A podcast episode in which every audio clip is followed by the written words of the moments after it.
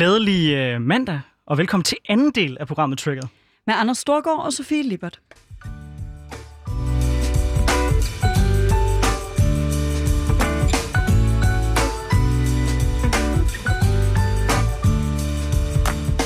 Ja, i første del så blev vi øh, lidt klogere på, hvad der sker i Tyskland. Øh, og her i anden del, der kommer vi til at snakke noget om det, der er lidt mere nært, nemlig dansk politik. Ja, vi kommer jo ikke bare til at øh, zoome ind på dansk politik. Vi zoomer virkelig også øh, ned i noget af det, der interesserer dig allermest, Anders. Så øh, jeg tænker bare, at vi går direkte til at spørge, hvad trigger dig? Nu skal du høre, det der trigger mig, det er, at jeg er alvorligt bange for, at socialkonservatismen som politisk strømning, den er troet. Øh, men jeg vil faktisk starte et andet sted først, øh, nemlig hos den største af alle konservative, i hvert fald i min optik. Jeg vil starte med Danmarks, i hvert fald for nu, Øh, eneste konservative statsminister, og i min optik selve symbolet på alt det, der er bedst ved konservatismen. Jeg taler selvfølgelig om Poul Slytter. Øh, for den 27. maj, der døde Poul Slytter som 92-årig. En af de første bøger, jeg læste om Poul Slytter, det var biografien Sikke et liv. Og det er nok også de ord, der står tilbage for mig, for han genrejste det konservative folkeparti øh, fra, fra den absolute ruin. Politisk der var man øh, på vej til at nærmest øh, forsvinde fuldstændig fra den politiske dagsorden. Øh, derefter så tog han fat i Danmarks økonomi og reddede Danmark fra økonomisk ruin. Øh, og jeg synes, det vildeste ved det, det er ikke bare, at han gjorde det. Nej, det vildeste for mig, det er, hvordan han gjorde det. Øh, for han gjorde ikke det, som jeg synes, danske politikere i dag gør alt for meget, nemlig appellere udelukkende til yderfløjene. Nej, han gjorde det faktisk, synes jeg, ved at appellere til noget af det bedste i mennesker. Han var indbegrebet af ordenhed. Han var folkelig. Han var ærlig. Han lagde ikke sin politik efter meningsmålinger og politiske konsulenter, men efter, hvad han mente var det rigtige for Danmark. Jeg mener, der er enormt meget, man kan lære af Poul Slytter, både som menneske, men også som politiker. Og så var han jo socialkonservativ. Det var i hvert fald de ord, han brugte om sig selv – og det er den strømning, jeg egentlig gerne vil tale med mine gæster om i dag. Fordi jeg synes, at dansk politik virkelig mangler stærke socialkonservative stemmer. Jeg vil ikke stå her og holde en kæmpestor brandtale for, hvorfor jeg mener, at socialkonservatismen er den bedste. Jeg tror, at dem, der følger det her program, øh, de ved godt, hvor jeg selv står henne og hvad jeg mener. Men for mig, der er socialkonservatismen indbegrebet af balancegang. Det er ideen om, som Per Stig Møller har, har man sagt, at staten den skal være så stærk, at den kan løfte de svage, men ikke så stærkt, den knækker de, de var stærke. Det er for mig at se appellere til ordenhed, det personlige ansvar, som for mig i mange debatter fuldstændig forsvinder fra den politiske dagsorden. Det er lige meget, om vi snakker økonomi, hvor jeg synes, politikere i dag har alt for travlt med bare bestik vælgergrupper, som de tænker, at de kan overvinde. Og øh, det er også lige meget, om vi snakker integrationspolitik, hvor jeg synes, det personlige ansvar ofte fuldstændig forsvinder fra den borgerlige øh, tankegang. Nemlig ideen om, at man først og fremmest er personligt ans- ansvarlig. Og hvis man tillægger øh, grupperinger et slags kollektivt ansvar, jamen så har du ikke noget personligt ansvar længere. Jeg kan godt gå igennem rigtig mange politiske emner. Jeg tror, jeg vil holde mig, holde mig fra det og så sige, det jeg gerne vil tale om i dag, det er, hvad vi kan lære af Poul Slytter, og hvor det stiller socialkonservatismen henne anno øh, øh, 2021. Jeg synes jo, det er enormt interessant. Øh, det er jo meget specielt, når sådan store politiske øh, forbilleder øh, dør, og, og det for nogle mennesker har en kolonorm betydning, øh, og for os andre ikke betyder så meget, men at følge med i den betydning, det, det har haft for, for hele sådan øh, det borgerlige Danmark, og alle de venner, jeg har, som på den ene eller anden måde har en eller anden øh, ja, form for, øh, for forhold til Poul Slytter, har det været enormt interessant at følge med i. At det er jo ikke nogen, igen for faste lyttere af programmet, men også for alle, der nogensinde har mødt mig, det er jo ikke nogen overraskelse, at jeg er, er helt enig i, at der er brug for flere måder end den meget øh, måske øh, nationalkonservative måde at være borgerlig på. Jeg synes, det er rigtig vigtigt, at vi har øh, nuancer i det, men jeg er, er super interesseret i, hvad det er, vi skal lære i dag, og hvad det er, vi skal høre om, fordi jeg må bare være ærlig og sige, at for mig er Poul Slytter bare endnu en i rækken, øh, og det bliver en fornøjelse at blive meget, meget klogere på det. Ja, og jeg har, jeg har inviteret to mennesker, som for mig at se øh, står for noget af det allerbedste i konservatismen også, og nogle øh, folk, der i hvert fald har gjort et stort indtryk på mig, politisk. Øh, den første, jeg vil byde velkommen til, det er dig, John Wagner. Du er administrerende direktør i de sammenvirkende købmænd, men måske vigtigere for den her debat, det er, at du har været med til at, til at skrive bogen øh, på Slytters politiske testamente. Øh, og vi var jo i radio sammen, hvor mm. du øh, også talte om, hvorfor social kon- konservatismen for dig øh, og, og se mangler i den politiske debat i, i Danmark. Men prøv at starte med at sætte nogle ord på, hvad er i din optik øh, på Slytters sådan politiske arv? Jamen han sagde jo øh, i det testamente, som, som du omtaler, der siger han jo øh, på spørgsmålet, hvad han vil blive husket for, at han var en politisk gentleman. Og det er jo øh, typisk øh, slutter at, øh, at komme med sådan en lidt sjov brok i en sådan sammenhæng. Og så siger man så, hvad ligger der i det? Men for ham lå der jo rigtig meget i det. Altså, øh, han havde ikke på forhånd fastlagte færdige meninger om, hvad der var rigtigt. Han øh, var ikke dommer om, hvad der var en rigtig konservatisme, om det var en nationalkonservatisme, om det var socialkonservatisme, liberal konservatisme, Frederiksberg-konservatisme, Aarhus-konservatisme, eller sådan noget. Der er masser, der sætter sådan nogle betegnelser på det. Uh, han, han afskyede den slags. Uh, når man spurgte ham, så siger han, jeg har altid betragtet mig som socialkonservativ, men i virkeligheden synes jeg altid noget, det er noget gammeldags noget. Og så forholdt han sig til, hvad var der af problemer? Og, og, og i rækkefølgen meget ofte, øh, altså, hvad er landets problemer? Øh, hvad er erhvervslivets og borgernes problemer? Og så en gang med dem, hvordan hænger det så sammen med partiets? Men, men specielt fra han blev statsminister, der havde han et for det var, at han var hele landets statsminister, og man skulle have løst de problemer, der var. Han var udogmatisk. Og det tror jeg er noget af det vigtigste, i hans politiske arv, det, det er ikke at, at, at tage udgangspunkt i nogle fastlagte ideologier, øh, at skulle gå tilbage i flere hundrede år gamle bøger for at prøve at finde svar på nutidens udfordringer, eller for den sags skyld have et eller andet partiprogram, som man skulle hive ned af hylden en gang imellem for at se, hvor man skulle hen af. Nej, der er nogle problemer, de skal løses. Kan vi ikke komme i gang med vores politik 100%, så tager vi 80%, og så om et halvt eller et helt år, så tager vi fat på problemerne igen. Altså den der totalt udogmatiske, enormt resultatsøgende tilgang til politik, det tror jeg i virkeligheden er den vigtigste arv. Ja, og, og det er vel netop i hvert fald, hvis du vil spørge mig, øh, so- social konservatismen i en nødskal. Og det, er jo, og det er jo netop sjovt, fordi øh, han var, som du ganske rigtigt siger, jo ikke særlig glad for at sætte markader på hverken sig selv, eller hvad der er den rigtige retning at gå. Øh, han, han har jo også øh, sagt de meget famøse ord, ideologi er noget bras. Og det sjove er, på en og samme tid er det jo øh, noget af det mest ideologiske, man overhovedet kan kan, kan, kan man sige, fordi konservatismen, vil jeg mene, er jo rigtig godt opsummeret ved netop den sætning, nemlig en afvisning af de idéer til, at man kan tage hele verden, og så kan man proppe det ned på forhånd i sådan en kasse om, vi skal have mere frihed, mere lighed, eller hvad ved jeg, at, øh, at at gårdsdagens mere reaktionære på politik, det er den måde, vi kan øh, lægge øh, skemaet for, for, for, for, hvordan fremtidens politik også øh, skal være. Så ligger der, ligger der ikke netop en, sådan en kernegrundsætning i, hvad konservatismen er, sådan lidt absurd i en sætning, der egentlig er en afvisning af ideologi der? Jo, men altså, han, han afviste jo ideologier, og han betragtede jo heller ikke selv konservatisme som en ideologi. Han betragtede det som et menneskesyn. Og, og, og som han jo også ofte sagde, jamen, at, at den politiske holdning, vi har som konservative, det er ikke, det, det er ikke noget, der kun er Christiansborgsk. Det er også en måde, vi udlever det på ude i kommunerne, og det er også en måde, vi udlever det på i vores familie, på vores arbejdsplads og sådan ting, at vi er et konservativt menneske. Og der i ligger, ligger jeg, og, og, og han var jo også min inspirator, da jeg gik ind i, i ungdomspolitik i sin tid, og da jeg blev generalsekretær, de ting, jeg har skrevet, at, at for mig ligger der jo i det, at man siger, jamen, vi er faktisk ret glade for det samfund, vi har.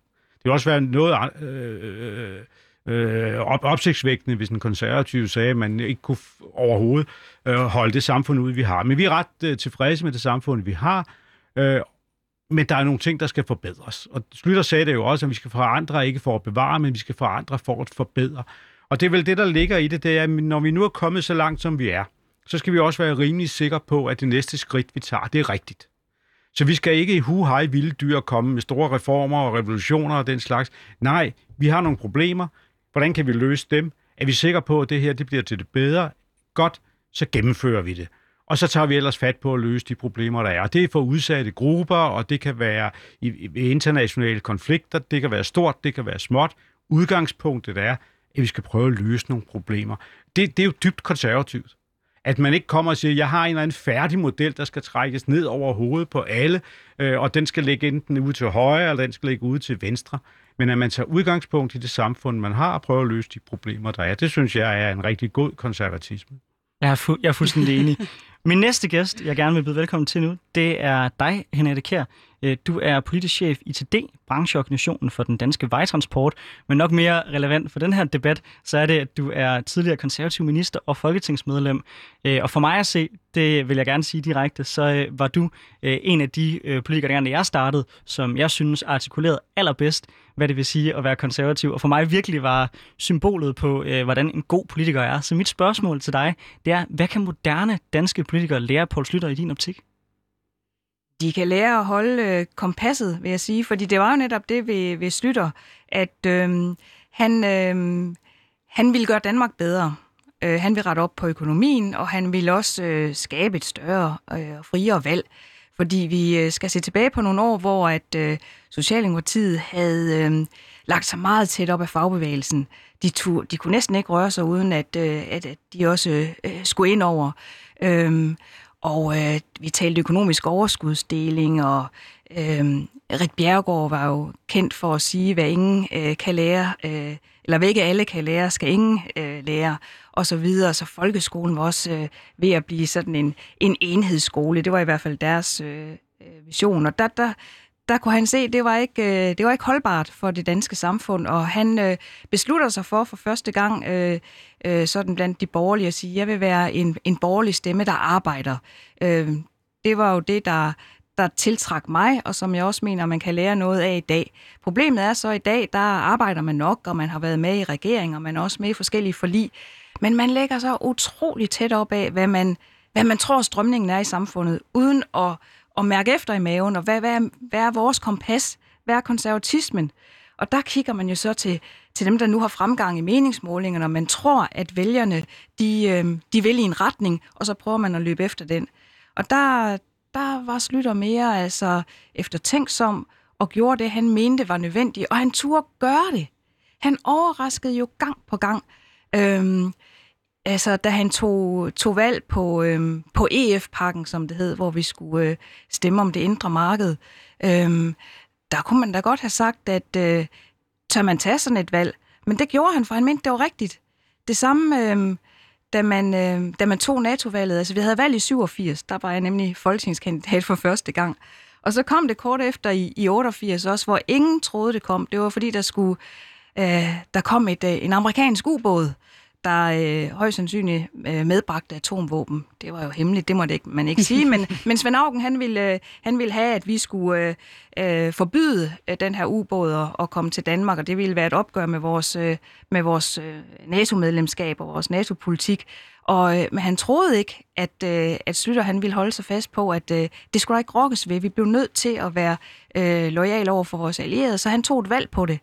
Øh, det er jeg ikke sikker på, at man havde gjort i dag. Der vil man være følagtig og tænke, Åh, hvad, hvad kan vi gøre her? Og, Åh, vi kan miste nogle mandater.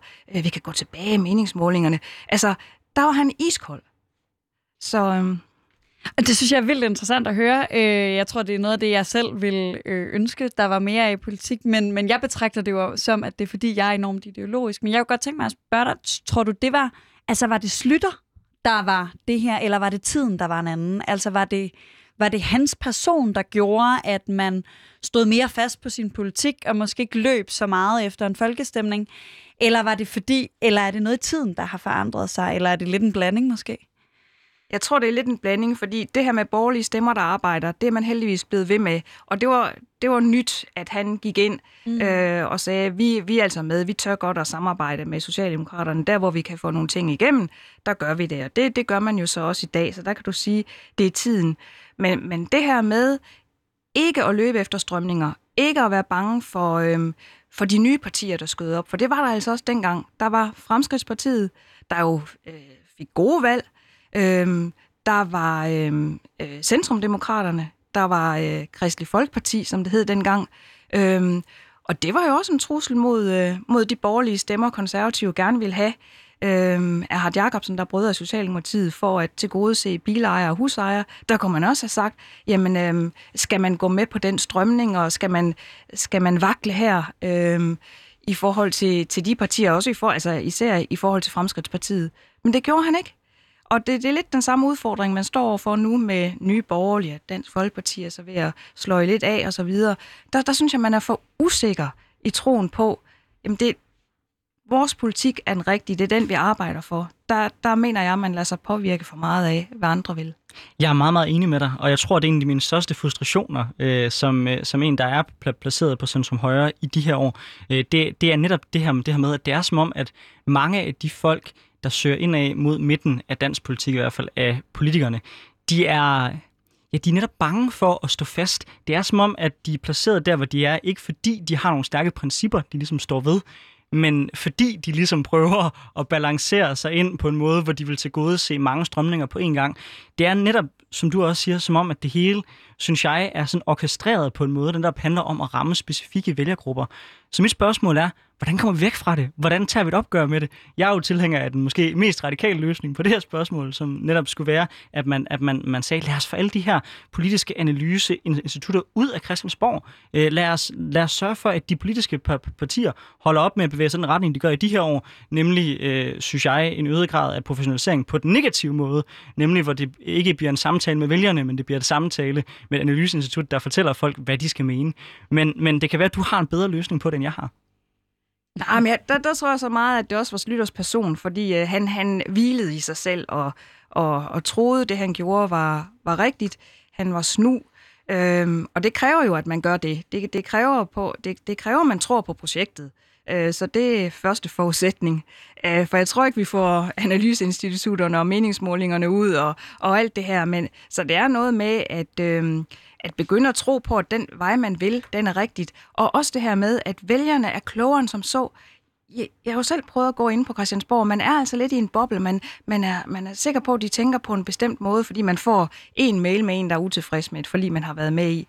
Men altså, øhm, der, der er det altså bare, at man skal være bedre til at holde fast. og Der må vi jo give vores, øh, vores folketingsgruppe opbakning, når de så gør noget rigtigt, altså som konservativ. Fordi noget af det, når jeg altså, ser tilbage på os, det, der begyndte at ødelægge den borgerlige regering, det var jo så også øh, altså i Slytters tid, at øh, Venstre begyndte at køre øh, øh, den her linje med, man kan både være i regering og i opposition på samme tid.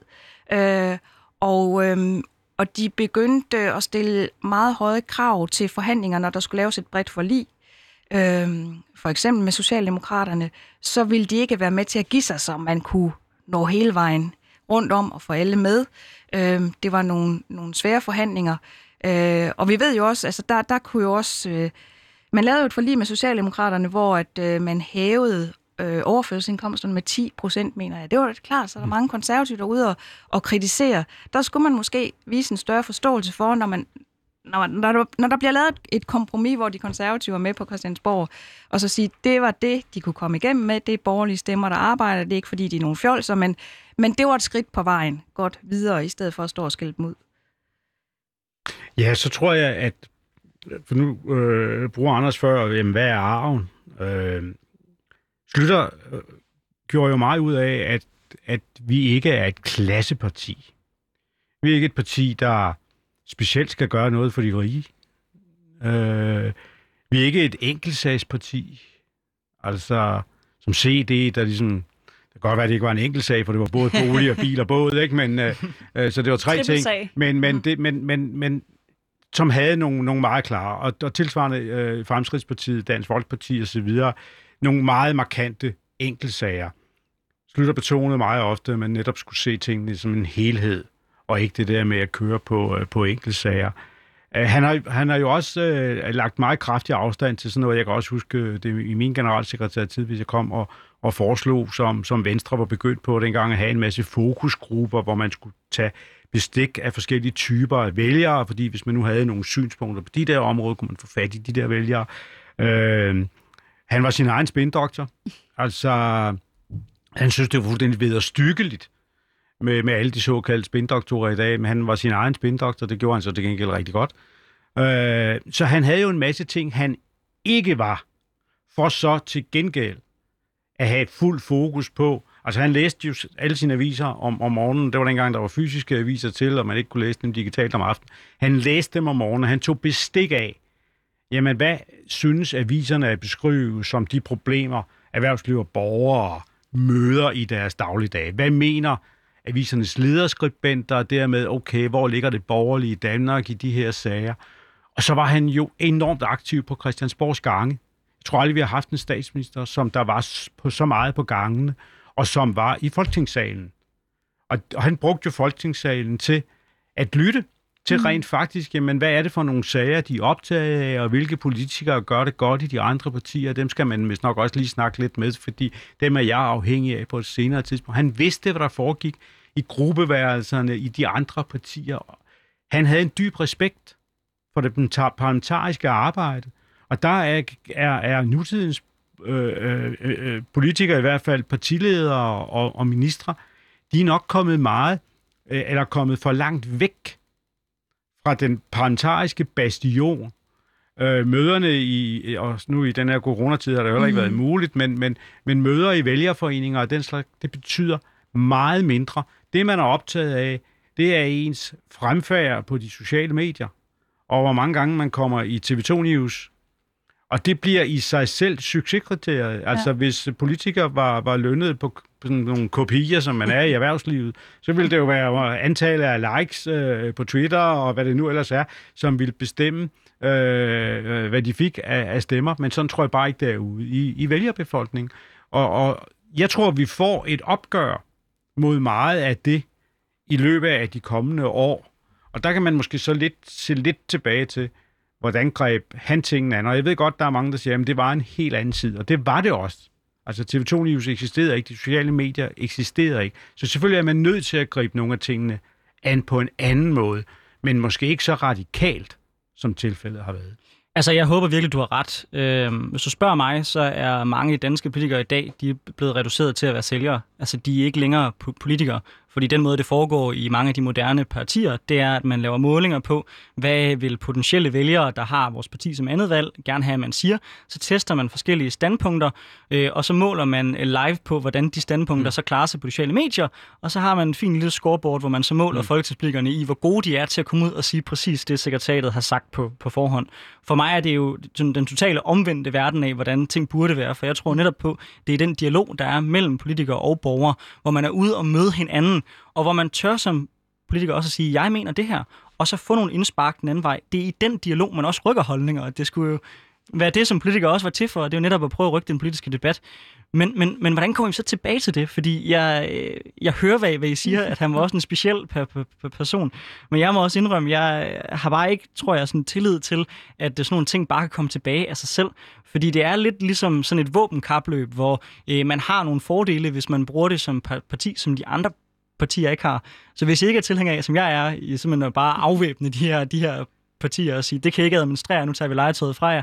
Hvad gør vi så? Jeg tror, de folkevalgte skal forsøge at øh, tage noget af magten tilbage.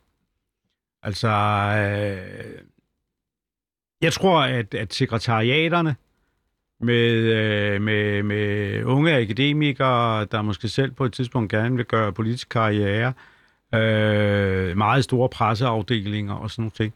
Jeg tror, de sidder for hårdt for, for, på, på, på meningsdannelsen i dag. Øh, jeg tror også, vi skal lidt tilbage til, og, og jeg ved godt, det er specielt svært i små partier, hvor, hvor øh, politikerne har mange ordførerskaber, men, men vi skal også tilbage til, at politikerne i større omfang selv øh, øh, forbereder sig på de taler, de holder fra Folketingets talerstol og andre steder, for det er jo under tilblivelsen er en holdning til et lovforslag, at man får tænkt over, hvad man rent faktisk mener om de, de pågældende ting, og man får sat sig ind i det, så man kan diskutere det, forsvare det eller angribe det i den offentlige meningsdannelse. Og det der med, at politikere bare går forbi sekretariatet og får en ordførertale med ned i, i, i Folketinget, det øh, uddanner jo ikke, eller videreuddanner jo ikke vores politikere.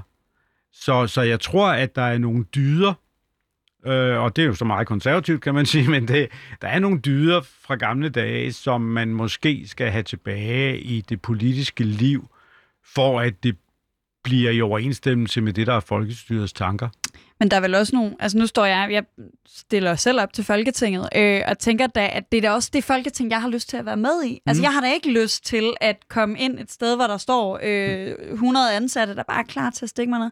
Så altså, fordi jeg synes, det virker som et helt uoverkommeligt projekt at komme derhen, hvor I gerne vil, eller hvor vi gerne vil øh, alle sammen tilbage til, til noget, der, øh, jeg vil måske ikke nødvendigvis til Poul Slytter, vel, men noget, der er samme politiske kultur. Øh, men hvis det er det, jeg forestiller mig, det er det, de fleste øh, politisk aktive har lyst til. Hvorfor, hvorfor kommer vi så ikke derhen? Jamen, det er derfor, jeg elsker ungdomspolitik og politikere, fordi at, øh, der, der er man drevet af, at man, man, man vil kæmpe for et bedre samfund. Så har man øh, forskellige anskuelser til, hvornår man når derhen. Man melder sig ind i en øh, politisk ungdomsorganisation, og så, så laver man jo sin egen ting. Man skriver mm. sine læserbrev, man, man holder talen, øh, og man øh, rækker fingeren op, når der er generalforsamling, og man formulerer selv det, man siger. Øhm, og der oplevede jeg, fordi jeg er mm. fuldstændig enig, da jeg var gruppeformand, der forbød jeg, der sagde jeg, at de i sekretariatet ikke måtte skrive ordførertaler, øh, fordi det var simpelthen ringe. Altså hvis ikke man kan læse et lovforslag, og så selv skrive en tale, altså nu må det stoppe. Øh, hvad hedder det? Øh, og, og, og, og det er nemlig det der med, at man, man siger dem ens egne ord. Det er jo også det, så forstår vælgerne. Det var det, var, det, var det Slytter var eminent til. Det var jo at formulere komplekse problemstillinger, så alle kunne forstå det. Og den øh, træning får man, når man er i ungdomspolitik. Øh, så, så, øh, så, så det er derfor, vi skal blive ved med at understøtte de politiske ungdomsorganisationer, sådan at vi kan rekruttere derfra. For jeg oplevede desværre, må jeg sige, at det var de her erhvervsfolk, man så gerne vil have, det konservative folkeparti, der ikke kunne skrive deres ordførertaler mm. selv, der kommer bad om hjælp. Øhm, og det, øh, vi har brug for alle, og vi har også mm. brug for folk, der er været på arbejdsmarkedet. Øh, men jeg er fuldstændig enig i, at man skal kunne mærke hjerteblodet i politik, ellers er der ingen, der gider stemme på en. Man skal selv være engageret, og man skal bruge ens egne ord. Øh, så det er da råd nummer et. Jamen, jeg er fuldstændig enig, og så skal man netop tur mene noget, også selvom det er upopulært. Øh, jeg oplever, at på grund af den måde, pressen kører i dag, så er det også øh, sådan, det er totalt forfærdeligt, hvis nogen rent faktisk har en holdning, der er lidt på kant med det, som ens parti mener. Og jeg synes jo netop også, det er de debatter og de diskussioner, man har, hvor man også er uenig også internt i et parti, der er med til at rykke noget. Det er jo netop det, der, der, der man for alvor øh, forandrer den retning, vi Men jeg vil gerne prøve at bevæge os lidt tilbage til hele spørgsmålet om socialkonservatismen, øh, og, og hvad, kan man, hvad, kan, hvad, hvad kan man sige, hvordan vi kan lære af enten den, eller hvordan man ellers vil beskrive Poul Slytters øh, politiske testamente. Øh, jeg tror, mange folk vil kritisere det, Poul Slytter stod for. I hvert fald dem, der vil være kritiske, for måske at være øh, så pragmatisk, at man kan blive i tvivl om, hvad det egentlig er, man står for. Øh, hvordan sørger man for, at øh, en moderne form for øh, socialkonservatisme, slytterisme, afhængig af, hvad du lige vil man mm. kalde det, at det ikke bliver en undskyldning for politikere, der er, hvad kan man sige, så pragmatiske, at de i virkeligheden ikke mener noget som helst. Altså, hvordan, hvordan får man oversat det til, til noget, som netop folk også kan forstå? Jo, men altså, Henriette øh, kommer jo med et par gode eksempler på, at at, at for Slytter var det jo ikke bare et spørgsmål om at være pragmatisk. Mm. Altså, der var jo situationer, hvor man sagde, jamen okay, så må, må, øh, udskriver vi en folkeafstemning øh, om det indre marked.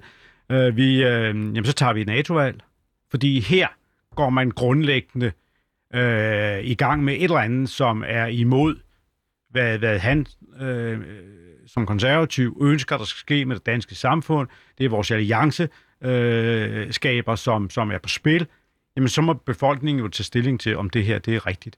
Vi så det jo også i den økonomiske politik. Altså, der er jo ingen tvivl om, at hvis man ikke var kommet i, igennem med, med afskaffelsen af, af, af dyrtidsreguleringen osv., så, så kunne vi have fået et valg øh, allerede øh, efter øh, tre måneder eller sådan noget.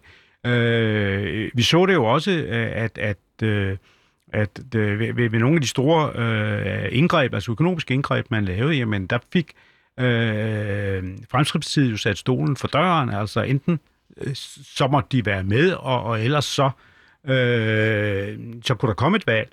Og, og, og, og han havde jo også de såkaldte T-selskaber, som det blev kaldt, hvor, hvor når der øh, var uenighed imellem regeringspartierne, hvor, hvor så kom partilederne op i statsministeriet, og så sagde Slytter til dem, at øh, ja, vi må jo se øjnene, det er at det nok er slut nu, og at øh, det her ikke kan fortsætte, øh, når vi taler sådan til hinanden ude i, i medierne. Så, så det er, der er vel sådan ikke nogen grund til at fortsætte det møde særligt længe, for nu er det vel slut, og så protesterer de alle sammen, nej, altså, det må være nogle øh, fingre, der rører panden, og det skal heller ikke være sådan, og, og så blev man jo enige om at fortsætte. Så han markerede jo, øh, når det var nødvendigt, at der var nogle ting, der også var, skal vi kalde det, øh, hellige for ham.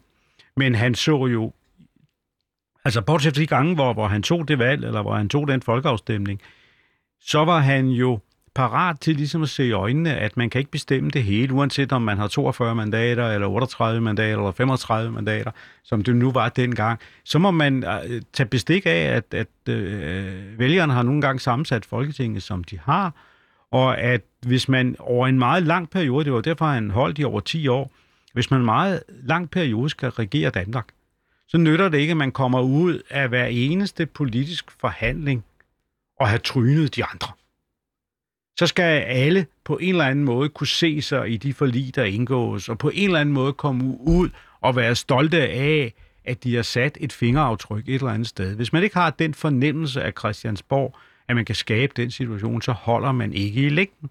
Og det er i længden, man skaber de store forandringer. Og det var slutter sig meget bevidst at, at man ikke skulle, altså det ville også være meget lidt konservativt, hvis man følte, at man skulle revolutionere Danmark i løbet af nogle få måneder. altså, han, han vidste, at det her, det tog tid.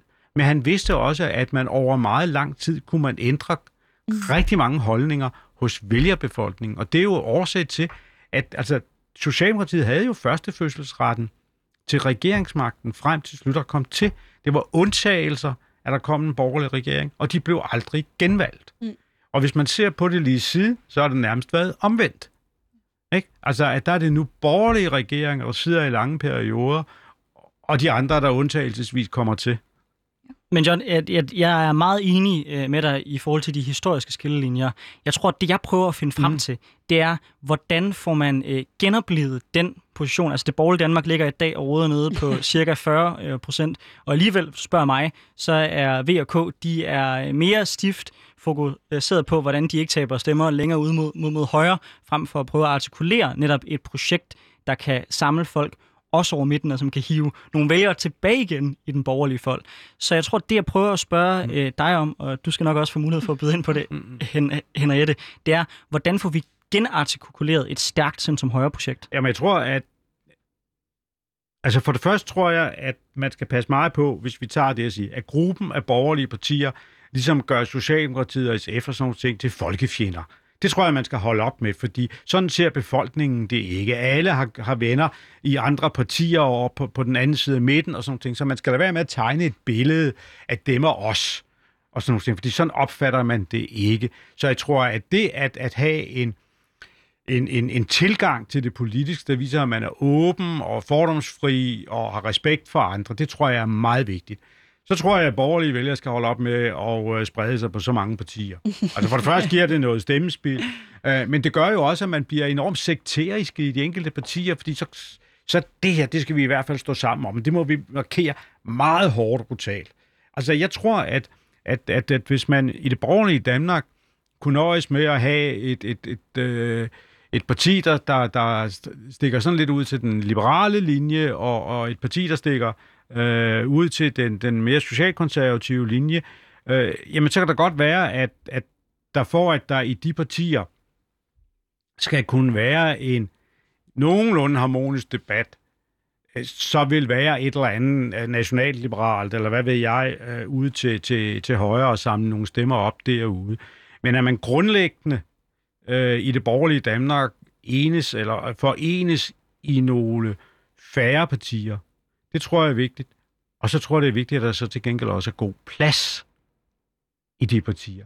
Og at man i de partier forstår værdien af, at man også i det indre kan diskutere, hvad er en naturlig tilgang til det her. Jeg, jeg kunne aldrig drømme om at, synes, at, at, at sige, at den og den hører ikke hjemme i det konservative folkeparti. Jamen det må den pågældende jo beslutte sig for, om de synes, og hvis de ikke direkte laver partiskadelig virksomhed, så skal de da have lov til at være der. Mm. Og så må de jo forsøge at gøre deres indflydelse gældende, og så må vi have respekt for de flertal, der engang imellem viser sig. Henriette? Ja, men jeg synes, at øh, Venstre og Konservative, de skal lave en alliance. Øhm, det er de to store borgerlige partier. De er enige om stort set alting. Det er nuancer nu. Det, det er sådan noget taktisk noget, hvorfor nogen er med i et forlig, og andre ikke er med i et forlig. Det er noget pjat. Hvis de står sammen og så siger, nu kører vi med den her mavefornemmelse med det borgerlige Danmark, så må ny borgerlige Dansk Folkeparti og øh, hvad der ellers kommer af partier, lykkes nye partier osv., så er det dem, der ligesom må følge med de to andre. I stedet for nu, der er det jo sådan lidt en konkurrence om, hvem, øh, hvem har Pernille Vermunds gunst? Hvem kunne måske få hende med? Nej, VK må stå sammen, så må de have en aftale om, at den, der bliver det største parti, øh, får statsministerposten, hvis og i så fald, at der skulle være flertal for en borgerlig regering. Øh, og så må de ligesom have selvtillid nok til nu at, at, at tage magten i det borgerlige Danmark. Øh, det mener jeg, at det, det er det, der skal til. Og så må de andre, øh, så må de følge med. Nu er det jo dem, der følger med de andre. At, altså det, og det er jo, jeg tror også, nogle af de her debatter, det er jo meget sådan, som venstreorienteret vil jeg bare også ønske, det var det, der var alternativet. Eller sådan, jeg vil hellere kæmpe op imod øh, en, en stærk borgerlig blok, der har en, en samling omkring øh, venstre og konservativ, end jeg vil altid skulle kæmpe imod øh, nyborgerliges øh, takter, og nogen, der hele tiden løber den vej, og at vi altid skal snakke om udlændingepolitikken, fordi det er det, vi har besluttet, øh, er, øh, er det, der rykker stemmer, åbenbart. Øh, så jeg synes, det er enormt interessant. Jeg fangede lige en ting tidligere, som jeg, jeg altså, fordi en af de ting, jeg øh, sådan har kendt Paul Slytter for, det er den her, øh, som jeg synes er sådan en fantastisk ydmyghed, som jeg vil ønske flere statsminister havde den dag i dag, øh, som er, at hans øh, mål, da han blev statsminister, det var bare, at der ikke kun skulle stå øh, et enkelt årstal ud for hans navn. Det er sådan en god øh, fortælling. Men den taler også meget ind i det, du nævner, John, fordi jeg tænker, Altså min helt store ambition, det ville da være, hvis der var nogle statsminister. Mit indtryk er, at, at, at han havde et mål om at nå at fikse så meget, han kunne, så længe han nu havde tiden. Og mit indtryk af statsminister i dag, det er, at de trækker lige tiden, og de når at indføre lige præcis nok til, at vælgerne stadig vil have mere, så de måske kan blive genvalgt, og der er gået sådan en meget sådan en... Øh, du snakker meget om de lange forandringer. De er jo svære at finde, hvis man hele tiden kun tænker fire år frem. Øh, er det en tendens, I også ser i dansk... Altså, er det dansk politik, der har rykket sig, eller var Poul Slytter bare en ener, der, øh, der stolede på sin, sin egen... Øh, eller net, måske ikke stolede på sin eget embede, og derfor bare knoklede for at få gennemført det, han kunne nå? Jamen, øh, jeg tror nu mere, det er fordi, de er bange for, altså de svære ting, der tænker man, øh, de skal laves først i en valgperiode, så lad os lige vente på den anden side af valget. Ja. Og det var Slytter jo ikke bange for. Han, han, der skulle ryddes op, der skulle ske noget. Øh, og, og den ilhu øh, vi har også gerne have, at, øh, at andre statsminister også havde. Fordi nu er det nemlig øh, sådan lidt, øh, øh, der er helst ikke nogen, der skal blive sure på os de sidste to år af valgperioden, og der var Slytter jo ligeglad. Og det er igen det her, jeg mener med, man skal, man skal ikke tro, at vælgerne de er til falds for slæsk tale og billig portvin. Det er de ikke. De er kloge. De kan godt se, hvad der er nødvendigt. Øh, og de kan også godt se øh, behovet for reformer. Der er nogen, der bliver ramt, ja, og de havde nok ikke stemt på pågældende parti alligevel, og så videre. Øhm, så det ville da være, være rart med nogen, der turer noget mere. Så hvis du var politiker i dag, hvad har du så fokuseret på? Hvad har du kastet over som det første, som det store borgerlige projekt? Jamen, ej, ej nu, det, det, var, det, var, det skulle jeg have tænkt over hjemmefra, fordi at, øh, øh, jamen, det er jo at, at begynde at, at se mere på, øh, altså, jeg synes jo, vi diskuterer alt for meget udlændingepolitik, i stedet for at diskutere en økonomisk holdbar, langsigtet øh, politik. Det var det, jeg vil koncentrere mig om. Jeg er meget, meget enig, og så synes jeg jo, at de borgerlige skulle tænke lidt mere om, hvordan man udfordrer Socialdemokraterne der, hvor de står bedst. Altså, jeg savner borgerlige, der har gode bud på uddannelsespolitik, på sundhed, på nogle af de helt nære ting, som almindelige mennesker oplever i deres hverdag. Det er lidt som om, at det, der er kun to ting, borgerlige mennesker kan man tale om. Det er skat og udlændinge. Jamen, øh, det Henriette siger for mig til at sige to ting. Ikke? Altså, den ene er, at og det har også været fremme i historieskrivningen her i, i de seneste uger efter øh, Slytters død, ikke? men det var, at øh, jeg tror, det er Bertel Hårder, der selv, øh, specielt har været fremme øh, med det, ikke? at han lod jo sine ministre øh, selv arbejde med deres øh, sager og, og blandede sig ikke voldsomt øh, i dem, gav dem nogle små hint, når det var nødvendigt, men ellers lod han jo dem køre. Altså, man har jo lidt indtryk af i dag, at der stort set ikke foregår noget i dansk politik uden det omkring statsministeriet. Og så er der jo trods alt grænser for, hvor meget man kan have gang i mm. i dansk politik, hvis alt går omkring statsministeren. Øh, dengang tror jeg, at, at øh, jamen, der var nogen, der fik i opgave at håndtere de økonomiske udfordringer. Der var nogen, der fik i opgave, at nu skulle man se, om man kunne få det brud på Danmarks Radios monopol og få etableret øh, TV2. Øh, der var en, der fik i opdrag, nu skulle vi igennem med den historiske løsning, som det var for faste forbindelser, øh, både over, over Øresund og over øh, Storebælt. Og så lod han sine ministre køre og tale med de andre partier og forsøge at nå noget frem. Og så på et eller andet tidspunkt, så kunne det godt være, at sagen endte i Finansministeriet. Og nogle få gange kunne det også være, at den endte i Statsministeriet. Men det var ikke som udgangspunkt det, der skulle ske. Så det, at han lod alle ministre arbejde for regeringens sag, det tror jeg faktisk også var rent proceduremæssigt vigtigt for, at man nåede så meget, som man ville. Og så spørger I, jamen, hvad for nogle sager skulle man kaste sig over i dag? Jeg kunne ikke lade være andet her på papiret at notere en, en, en, en, en sag, som jeg synes er vigtig, og så får Henriette jo i virkeligheden taget hul på den ved at sige, at der tales alt for meget udlændingepolitik, fordi jeg skrev på min papir arbejdskraftmangel. Vi er nødt til at se i øjnene, at hvis vi skal bevare det velfærdssamfund, som vi har i, øh, i Danmark, så skal der flere hænder til. Og den vækst, vi formentlig har foran os, kunne noget tyde på, som de internationale økonomiske udvikling er, at vi får en, en, en velkommen økonomisk vækst i Danmark. Men hvis vi får det, kommer vi til at mangle hænder. Altså, der skal gøres rent på vores sygehuse. Der skal gøres rent på hotellerne, når alle turisterne kommer tilbage. Og så hjælper det jo ikke, at vi ikke har arbejdskraft. Og derfor er man nødt til at tage fat på, hvordan får vi flere til at blive på arbejdsmarkedet længere? Hvordan giver vi folk muligheder for at arbejde noget mere i perioder af deres liv, hvor de har lyst til det?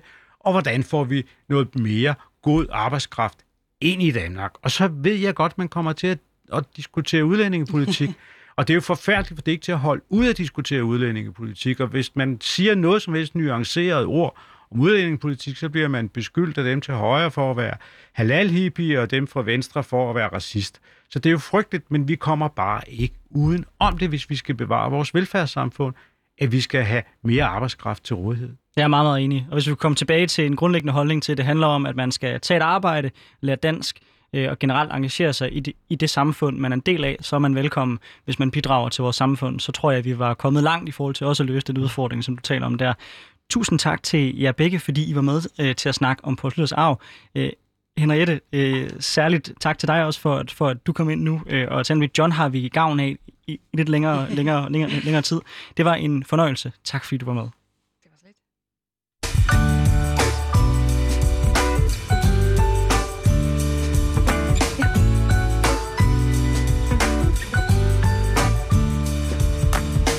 Ja, jeg synes, det var i hvert fald en spændende øh, diskussion, vi havde her. For mig var det, er det jo to øh, utrolig dygtige, spændende mennesker, jeg har haft gavn af herinde, øh, som har kunne lære mig rigtig meget også om et politisk ståsted, som jeg jo selvfølgelig selv står for. Jeg håber, at øh, jer, der har lyttet med, I synes, det var lige så spændende, som jeg synes. Men John, vi har jo heldigvis øh, dig lidt endnu med i vores øh, vandstudie. Øh, jeg kunne rigtig godt tænke mig øh, at snakke den kommende uge, vi skal ind i sammen med dig. Jeg tænker, du har nogle spændende indspark på det også. Øh, jeg vil gerne starte med udenrigspolitik. Det har jeg ofte, øh, det er ofte noget, jeg tager, mm. jeg tager frem her i det her program også. Øh, Putin og Biden, de skal mødes. Hvad tror du, der kommer ud af det møde? Hvad tror du, de store linjer bliver? Jamen det, øh, jeg, jeg, så meget følger jeg ikke med i udenrigspolitik, at jeg vil øh, kloge mig voldsomt på det, men jeg kan sige, hvad jeg håber. Og det er, at jeg håber, at, øh, at de optager en dialog som øh, er indholdsvismæssigt mere spændende end den, som forgængeren øh, Trump havde med, øh, med Putin. Øh, men, men hvor også, at øh, de vestlige værdier kommer mere til udtryk. Og det er jo det, der er spændende at se ved den nye amerikanske administration. Det er, om det bliver en mere værdibaseret, altså vestlig værdibaseret øh, udenrigspolitik, der vil blive ført, øh, hvor man jo øh, før havde en tilbøjelighed til at, at, at, at, at se, at det kun var et spørgsmål om, hvordan man kunne lave noget øh, et eller andet spændende med Nordkorea, eller man kunne lave noget, der kunne øh, øh, gavne personlige investeringer i, øh, i ejendoms øh, livet i, i, øh, i USA. Håber du det? Altså, altså at vi får en mere markant øh, vestlig kurs over for Rusland og Kina? Ja, jeg tror det eneste, at man har respekt for i Moskva og Peking, det er, at man har en værdibaseret øh, udenrigspolitik. Altså, jeg har selv udtrykt det på et tidspunkt, hvor jeg synes, vi skulle sende pandaerne hjem og se at få en udenrigspolitik i forhold til Kina. Ah, men altså, du rammer, du rammer mig jo fuldstændig direkte i hjertet her. Øh, jeg, er, jeg er fuldstændig enig med dig. Stod det til mig, så lavede vi også en handelspolitik, der var meget mere aktiv, hvor vi mm. simpelthen sagde, hvis folk går i en mere demokratisk retning, så bliver det nemmere at handle med os. Hvis I går i retning af mere autoritære regimer, jamen så bliver det bare sværere. Og simpelthen med pisk og gullerød samle den vestlige verden i at prøve at presse alle folk i vores retning. Jeg tror desværre, at de politikere, vi har i mm. dag, de er alt for meget farvet af sådan en, den, den optimisme, der kom efter murens fald, om at hvis vi bare handler nok med Kina, så en eller anden dag, så skal de nok blive demokratiske og det tror jeg jo bestemt, bestemt ikke på, så jeg er fuldstændig enig med dig. Nå, men lad os øh, vende tilbage igen til den danske politiske kontekst. Øh, Blå Blok er jo begyndt at kritisere nu, øh, at embedsmændene har, øh, er blevet underlagt for meget Mette Frederiksens regime. Nu har vi jo talt på Slytter og hans måde at gribe tingene an. Der tror jeg ikke, jeg kommer til at støde for mange, hvis jeg siger, at Mette Frederiksen har kørt en mere sådan benhård øh, kontrolmæssig kurs øh, i i, i øh, coronahåndteringen. Tror du, at nu vi begynder at åbne op, at vi får en debat, øh, som er det blå blok prøver at åbne nu om, sådan, hvad kan man sige, hvordan, øh, hvordan øh, coronahåndteringen har fungeret, øh, og hvad det kommer til, til at betyde for vores fremtidige øh, politiske system. For jeg kunne godt være lidt bekymret for, at Mette Frederiksen tænker, det fungerede så godt under corona, jeg tænker, at den her stil, den kører vi videre. Jeg, jeg, jeg håber og tror, at øh, jeg håber, vi tror, at vi får debatten. Og jeg håber også, at øh, at, at når vi får lagt øh, coronaen bag os, i den udstrækning, vi nogensinde får lagt den bag os, fordi der er jo ingen, der siger, at det ikke popper op igen, øh, at vi skal igennem årlige vaccinationer osv. Det er der jo ingen af os, der, der ved. Øh, så det kan jo godt være, at det, det bliver en, en dagsorden, men det bliver så en af flere dagsordener. Jeg håber, at der kommer en masse selvrensagelse oven på den her periode. Det siger jeg uden at komme med sådan en voldsom kritik af det, der er sket. Fordi jeg tror faktisk, og så kan man altid sige, ah, at man hvad med mængdene og, og, og, og, og komme med nogle andre konkrete sager. Men der er ingen tvivl om, hvis der er siden en borgerlig regering, så vil langt de fleste af de beslutninger, der er truffet i de sidste halvanden år, de vil også være blevet truffet af en borgerlig regering. Og jeg er ikke sikker på andet, end at så vil Socialdemokratiet have stået og kritiseret den borgerlige regering for, at man øh, i for stor eller for lille udstrækning, afhængig af, hvad det nu er for nogle situationer, har lyttet for meget eller for lidt til embedsmændene. Mm. Så jeg tror, at man kan aldrig nogensinde komme igennem et politisk forløb, som det vi har været igennem i halvanden år, uden at magthaver bliver kritiseret.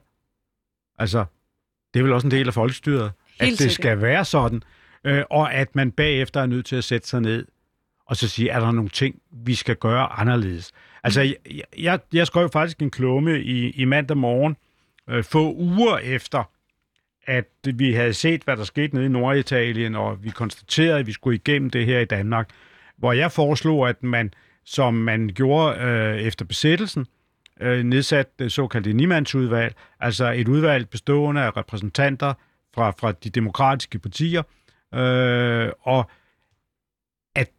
de fik tilgang til alt det materiale, som embedsmændene havde. Og at man prøvede at skabe, og det har man jo i langt de fleste situationer indtil det sidste, der har man jo haft uh, brede forlig om stort set alt, mm. hvad man har gjort her.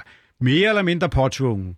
Men hvor det desværre har forlyttet i hvert fald fra øh, oppositionen, men vi har jo ikke tilgang til oplysningerne.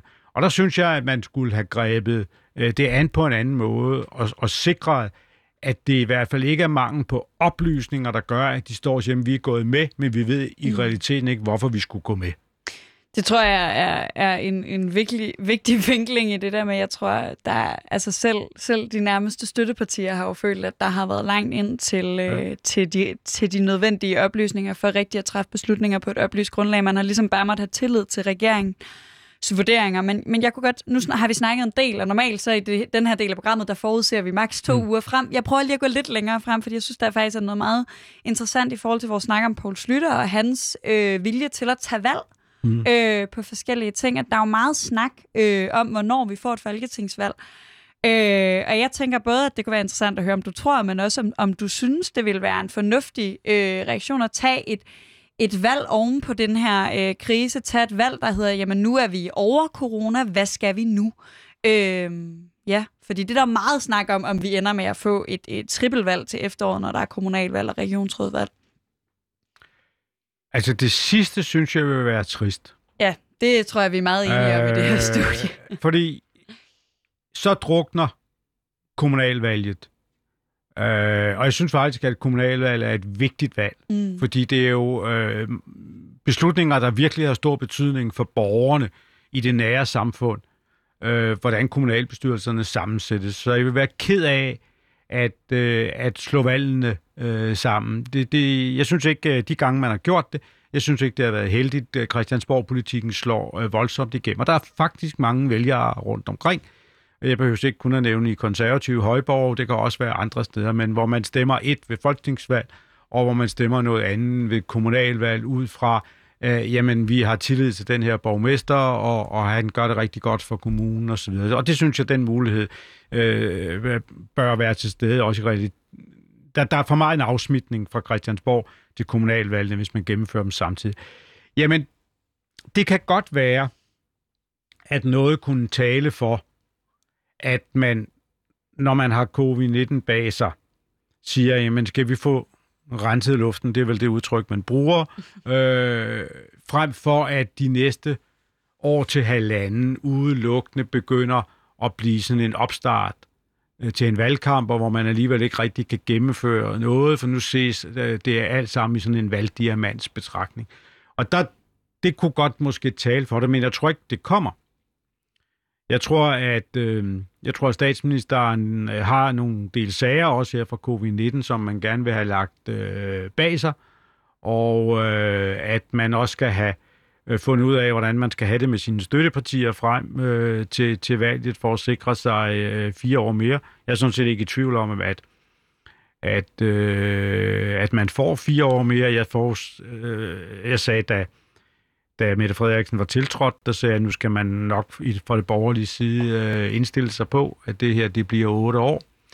Øh, og også fordi vælgerne er ikke til de der store forandringer, og vi har jo tidligere været inde på det, at borgerlig øh, blok fremstår måske heller ikke klar til at, at overtage regeringsmagten igen.